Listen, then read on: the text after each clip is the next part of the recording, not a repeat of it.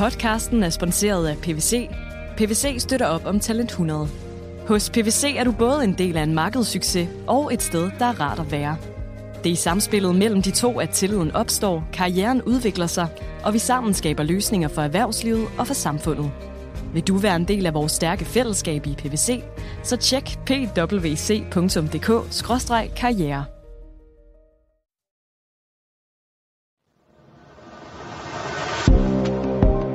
lytter til Dine Penge.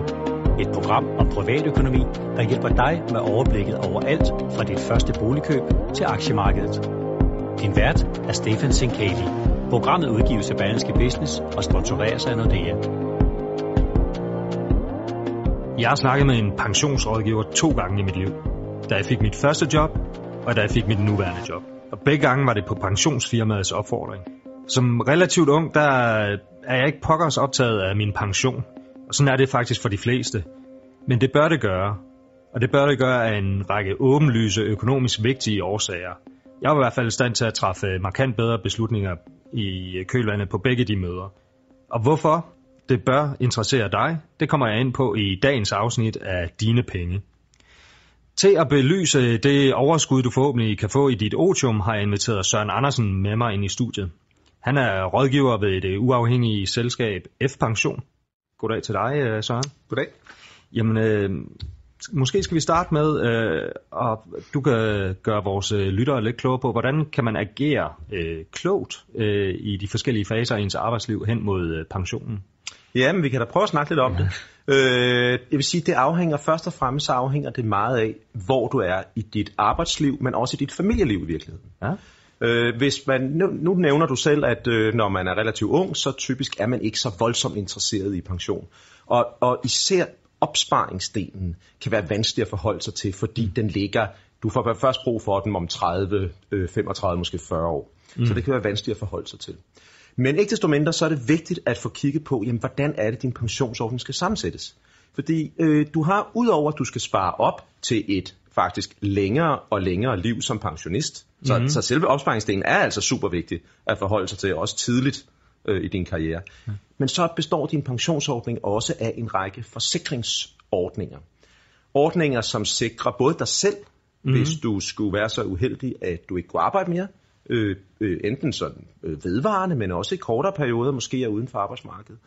Men også øh, dine øh, eventuelle hustru eller dine børn, sikre dem økonomisk, hvis der er, der skulle ske dig et eller andet. Ja. Så det er altså vigtigt, at du får kigget på, også når du er ung, jamen, hvordan er det, min pensionsordning egentlig skal strikke sammen. Mm.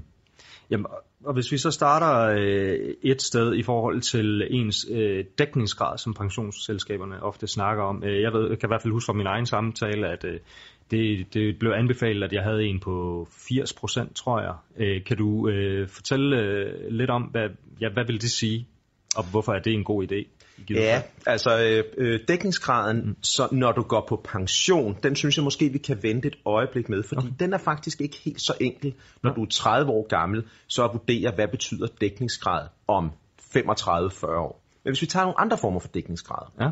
som pensionsselskaberne også rådgiver om, jamen så er det, hvor meget har du brug for, hvis du bliver syg i morgen? Ja. Enten hvis du bliver syg i et halvt år, eller hvis du bliver syg mere permanent. Øh, og der, der er det i virkeligheden, altså man kan have nogle tommelfingerregler, og de kan være 80%, de kan være 90%, men det er i virkeligheden vigtigt, at du forholder dig til, hvad det er, du har brug for, hvis du bliver syg.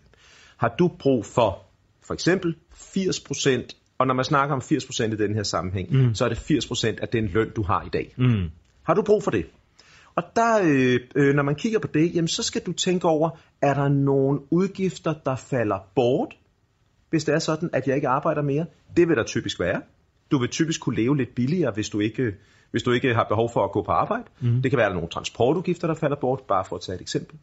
Øh, øh, men det kan faktisk også være, at du har behov for et eller andet upfront, øh, nogle ekstra penge til at bygge dit hus om, hvis du er blevet så syg, så du for eksempel ikke kan transportere dig rundt selv, men skal mm. i, i kørestol for at tage et eksempel, jamen så kan du have behov for nogle ekstra penge upfront. Men det er vigtigt, at du kigger på din situation. Hvad er det egentlig, du har brug for? Fordi hvis det er sådan, at man har en tommelfingerregel, der siger i dit pensionsselskab for eksempel, det kan godt være 80% af din nuværende løn, mm. men det kan godt være, at du i virkeligheden slet ikke har så store udgifter. Så du i virkeligheden sagtens kunne klare dig med 60%. Jamen så er det jo ikke særlig hensigtsmæssigt, at du betaler en forsikringspræmie mm. for en højere dækning, end du i virkeligheden har brug for. Så det er ikke bare et spørgsmål om at få den højst mulige dækning, hvis du bliver syg. Det er et spørgsmål om at have den rigtige dækning for præcis dig. Hvis du betaler for meget i forsikringspræmie på din pensionsordning her til at blive i, i, i forbindelse med sygdom, jamen så går de penge fra din pensionsopsparing. Mm. Så, så, så det er en afvejning af, hvad har du egentlig brug for, og så vælge det rigtige niveau.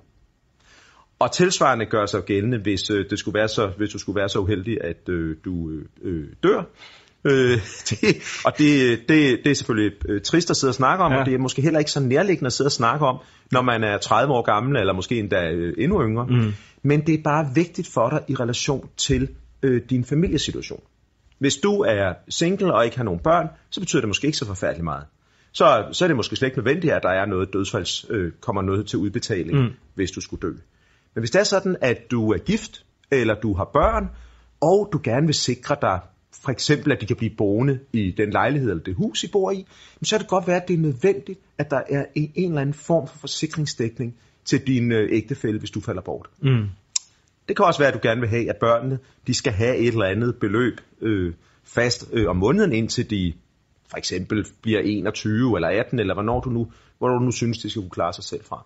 Så det er altså vigtigt, at du for, selvom du er ung, så er det altså vigtigt, at du får kigget på din pensionsordning især fordi der ligger de her forsikringsdækninger. Mm. Og det er jo så også, der kommer du lidt ind på, det ændrer sig jo så også i løbet af ens liv. Altså du selv ender sig, hvis man nu har en hustru, eller har børn, eller har bolig, altså så i de tilfælde, hvor ens liv ændrer sig fundamentalt, så udover at glæde sig over, at man er blevet gift, eller har fået en bolig, eller et nyt job, så skal man selvfølgelig også øh, gå ind og tjekke sin pension. Ja, man kan sige, at i virkeligheden vil jeg anbefale, at man tjekker sin pensionsordning på to måder. Mm. Man tjekker den fast en gang med faste intervaller. For eksempel hver andet år. Mm. Hver tredje år. Noget i den stil. Men at man derudover, hver gang der sker noget øh, på din, øh, i din privatsfære, mm. og det kan være så, at du får børn, det kan være, at du bliver gift, det kan være, at du bliver skilt, det kan også være noget så banalt som, at du flytter i øh, ejerbolig, øh, mm. og at du i sådan en situation gerne vil have, at konen faktisk, øh, din ægtefælle faktisk er i stand til at måske betale restgælden ud, eller hvad ved jeg, hvis du skulle dø. Mm. Så hver gang der sker noget i din familiesituation, øh, så bør du faktisk henvende dig til sit pensionsselskab og spørge, øh, er der noget, jeg skal være opmærksom på? Mm.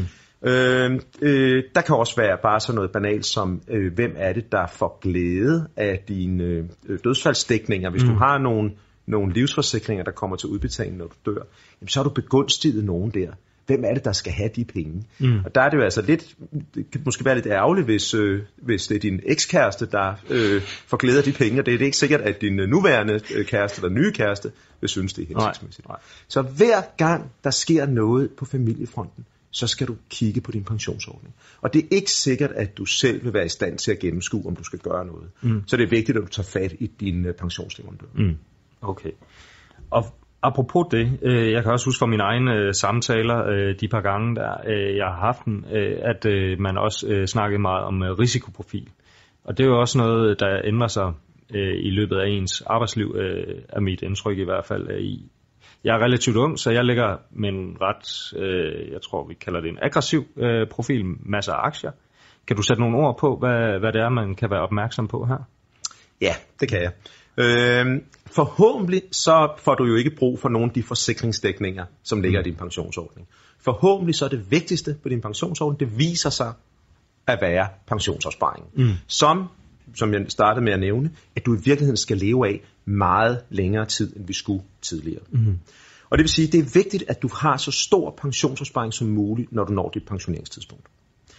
Når du er helt ung, så har du meget lang tid, til du skal bruge pengene. Mm. Og det betyder, at du typisk godt kan bære nogle udsving fra år til år i investeringsafkastet.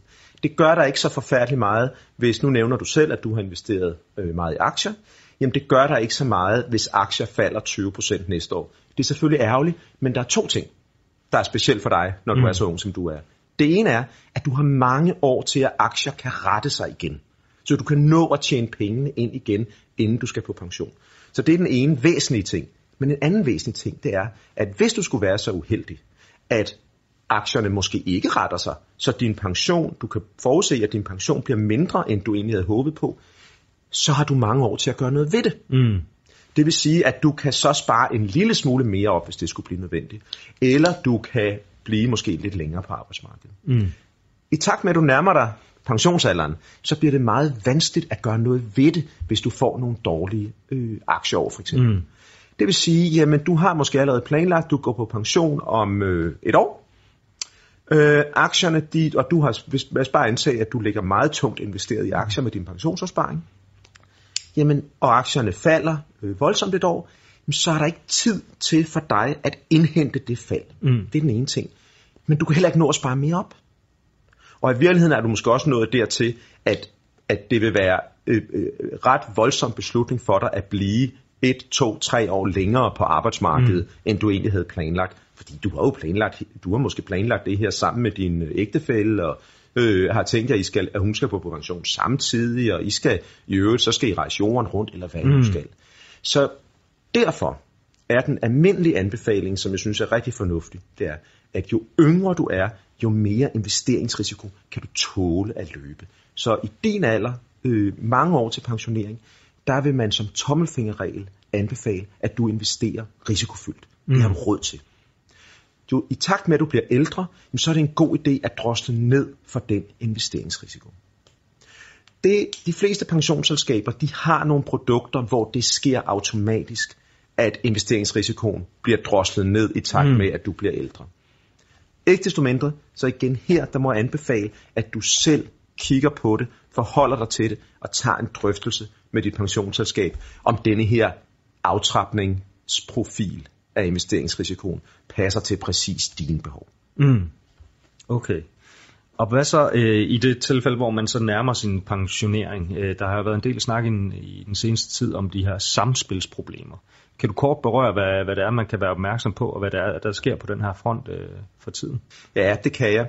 Det er sådan, at øh, når du får din private pensionsordning udbetalt, så afhængig af præcis, hvordan den pensionsordning er strikket mm. sammen, så vil der være modregning i det, du modtager fra det offentlige. Og det vil sige, at du har nogle øh, øh, befolkningsgrupper, som i virkeligheden ikke får noget ud af at spare op til allersidst, lige inden de går på pension, fordi de rammer ind i nogle bestemte grænser, beløbsmæssige grænser, Mm. hvor så øh, det, de får udbetalt for deres private pensionsordning, det bliver i virkeligheden modregnet i det, de får udbetalt fra det offentlige. Mm. Øh, Det er voldsomt kompliceret, og det er selvfølgelig ikke hensigtsmæssigt. Det er ikke hensigtsmæssigt af to årsager. Det er ikke hensigtsmæssigt, fordi at øh, du som øh, øh, privatpension simpelthen får for lidt ud af din pension. Men det, det heller ikke er hensigtsmæssigt i forhold til, det er, at det tager noget af incitamentet til at lave pensionsopsparing. Mm. Det fjerner noget af det incitament. Og det er fra, man meget opmærksom på fra politisk side. Det er ikke kun pensionsbranchen, der har råbt vagt i gevær med det mm. her. Samtlige politiske partier er opmærksom på, at det her er en problemstilling, som man skal gøre noget ved. Det er øh, meget kompliceret, og reglerne de bliver ændret øh, i tid og utid, og der kommer hele tiden nye politiske forslag, øh, øh, som jeg har meget stor sympati for, fordi de prøver alle sammen at hjælpe på den her problemstilling. Mm.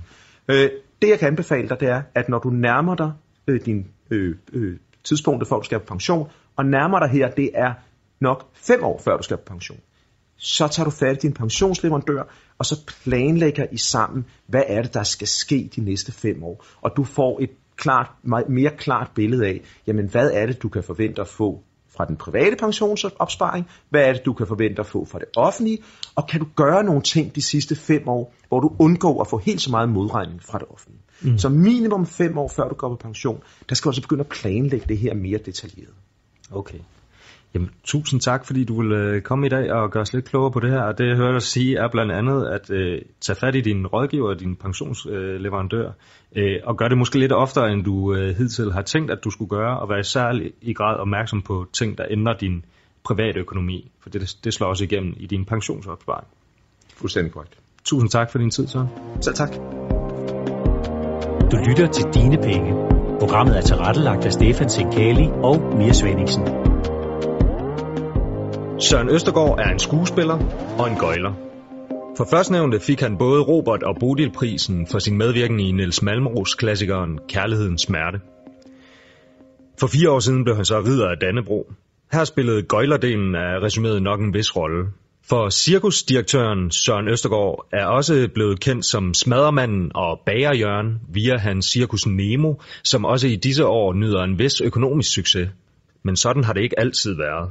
I dag vil jeg ringe til cirkusmanden for at høre om hans erfaringer fra den privatøkonomiske manege.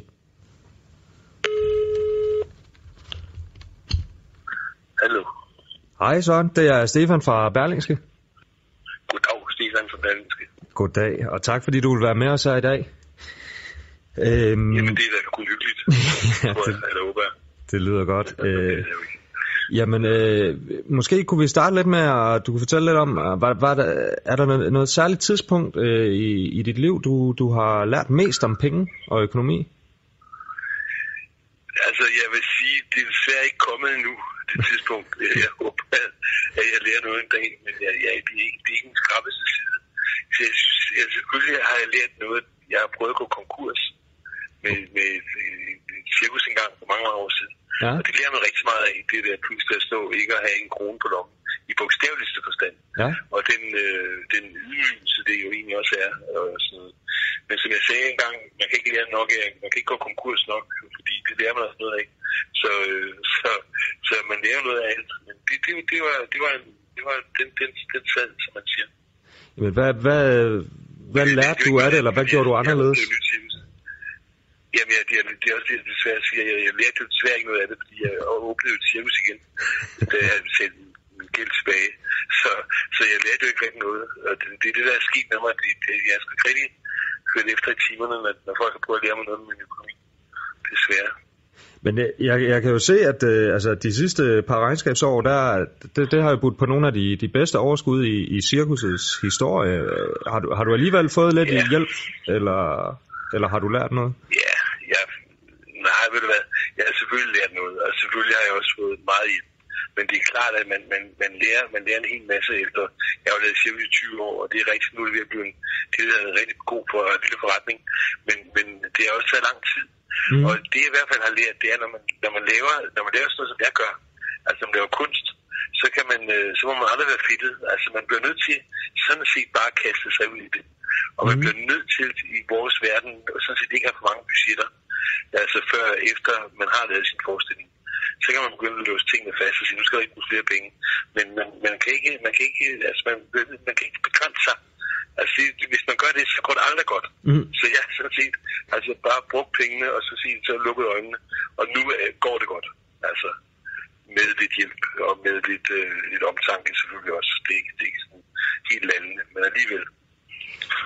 Jamen, øh, jeg har også tidligere snakket med, med andre kunstnere, der har sagt, at jamen, altså, de fokuserer sådan set på det, de er gode til, det kreative, og så har de folk indover, Ja, ja. der er gode til det. Med pengene, Ja. er det også det samme ja. for dig? Ja, ja det, det er det. Jeg har nogle rigtig gode folk, der sidder og passer på at få betalt med regninger og sådan ting. Men samtidig så kan jeg ikke altid høre helt efter dem, fordi jeg bliver nødt til at tage nogle chancer. Altså jeg bliver nødt til at, altså i min verden, der bliver jeg nødt til at sige, hvis jeg synes, det kunne være sjovt at få to, siger et eller andet, lido-piger til at komme og danse i forestillingen, øh, så, så, så skal der komme to lido-piger danse i forestillingen. Så, er jeg jo ret.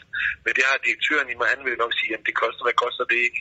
Det, ja, det koster, men måske får vi pengene igen, eller måske får vi ikke pengene igen, men jeg bliver nødt til at bruge det, fordi det er en del af, af det kunstneriske udtryk, jeg så vil lave nu.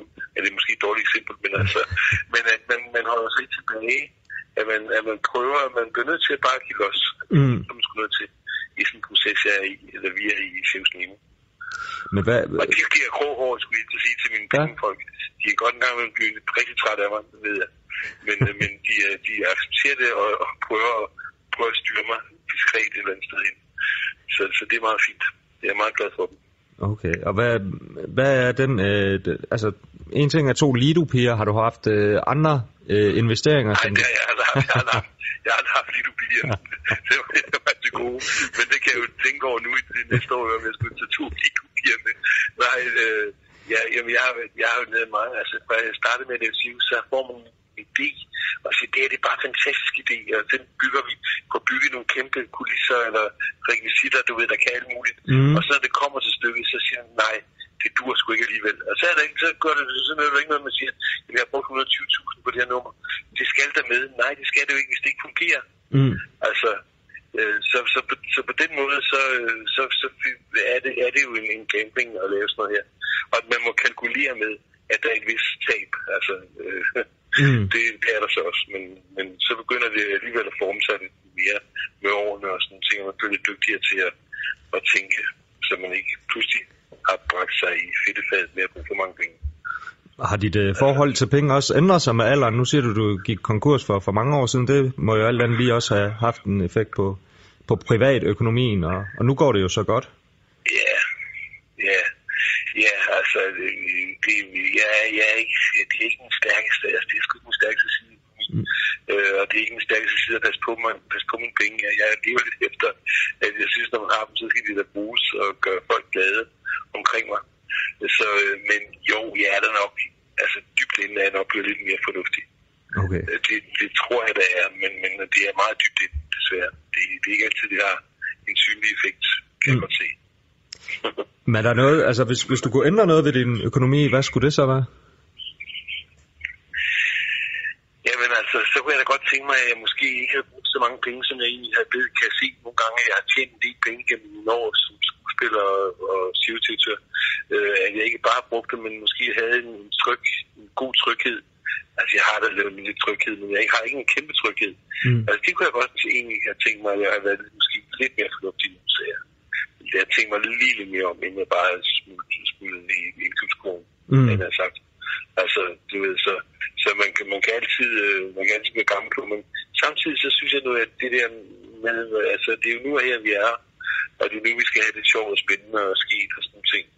Så, øh, så jeg, jeg, jeg fortryder egentlig noget, sådan øh, rigtigt i hvert fald. Det gør jeg egentlig ikke. Men Er det, Nej. er det også det råd, du gerne vil give videre? Altså, vil, hvis, hvis du nu skulle give et råd øh, videre til, til lytterne af den her podcast i forhold til privatøkonomi og penge, hvad skulle det så være? Altså, så vil jeg sige, så lad være med at lytte til mig, og lad være med at have have mig som forbillede. Det vil jeg sige, det er det bedste råd, jeg kan give dem. Altså, fordi det, det, er sgu ikke, det er sgu ikke noget at skrive hjem om. Altså, jeg, jeg, jeg, jeg synes jo stadigvæk, man skal, man skal, man må, altså, nærhed, det er det værste, der findes. Mm. Øh, og jeg tror, at man får 10 gange igen det, af det, man giver. Mm. Så det vil jeg i hvert fald godt, ja, det mener jeg faktisk alvorligt. Altså, så det vil jeg godt sige til dem. Og det vil jo ikke noget at sidde og give dem hver eneste krone og sige, det er til, til dårlige tider. Fordi de kommer måske aldrig til dårlige tider. Mm. Altså, hvis de så kommer, så kan det være de så dårlige, at man ikke kan bruge sine penge. Mm. Så hvad skal man dog egentlig stille op med det? Så øh, nej, ellers lad være med at lytte til mig. Og lad være med at gøre, som jeg gør. Okay. Jamen Søren, øh, du skal have tusind tak, fordi du vil være med os her i dag. Jamen, det var da i hvert fald så lidt, kan man sige. Det kostede jo ikke noget, så kan jeg så det var meget godt. Og du må have fortsat god dag. Ja, kan være det godt. Hej. Hej, hej. Nu får du eksklusiv adgang til Nordeas eksperter, som giver dig konkrete råd til at gøre rodekuverterne mere overskuelige. Podcast fra Berlingske Business er sponsoreret af Nordea. Det her afsnit i dag, det handler om skat. Og derfor, der skal jeg tale med Marianne Honoré Johansen, som er investerings- og pensionsspecialist i Nordea. Velkommen til. Tak skal du have. Lad os kaste os ud i det med det samme. Øh, Marianne, mange, tror jeg, sidder øh, med den holdning, at skat har alle oplysninger, og de går derfor ikke ind og ændrer i deres års- eller forskudsopgørelse. Men er der nogle ting, man virkelig skal være opmærksom på, og som man skal gå ind og aktivt ændre i? Der er nogle enkelte ting, og du har selvfølgelig ret i, at mange går ud fra, at øh, det kører helt automatisk, og det gør det også i mange henseender. Når folk indbetaler til øh, pension, for eksempel i, i Nordea eller via deres arbejdsgiver, så bliver det jo automatisk registreret hos skat.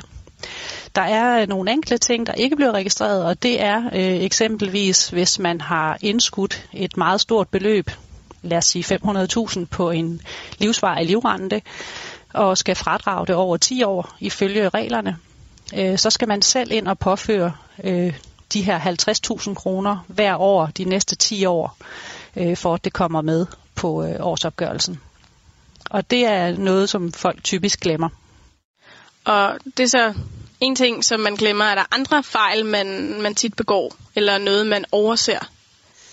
Øh, mange glemmer også at øh, forskudsregistrere øh, opstart af nye pensionsordninger, og derfor så får de så ikke fradrag med det samme, øh, men i stedet får de penge tilbage i skat.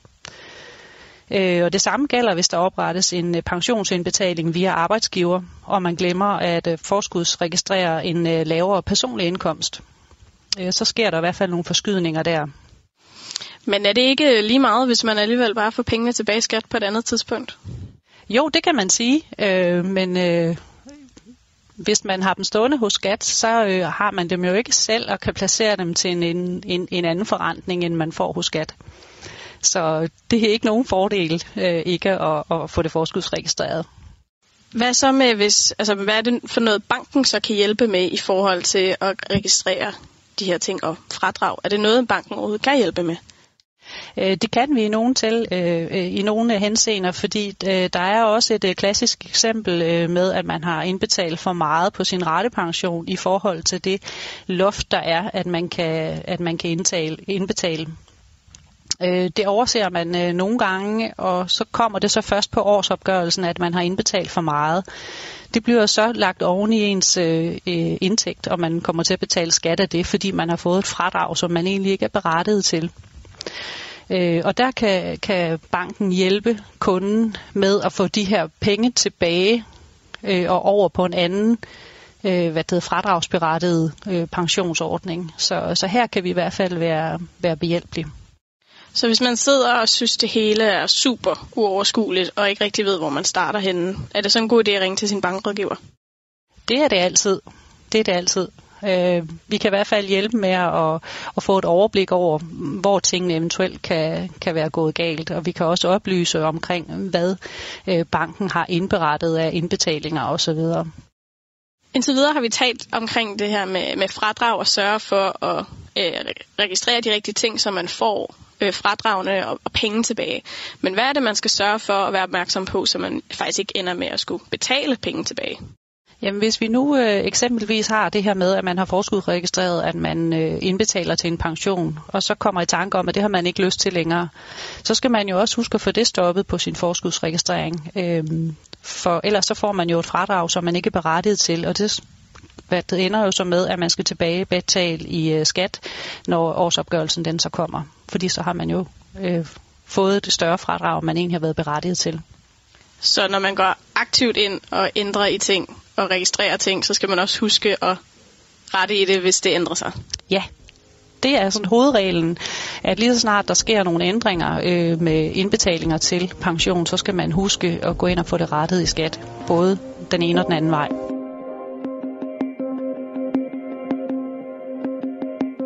Du lytter til Dine Penge fra Berlingske Business. Et program om privatøkonomi, der hjælper dig med overblikket over alt fra dit første boligkøb til aktiemarkedet.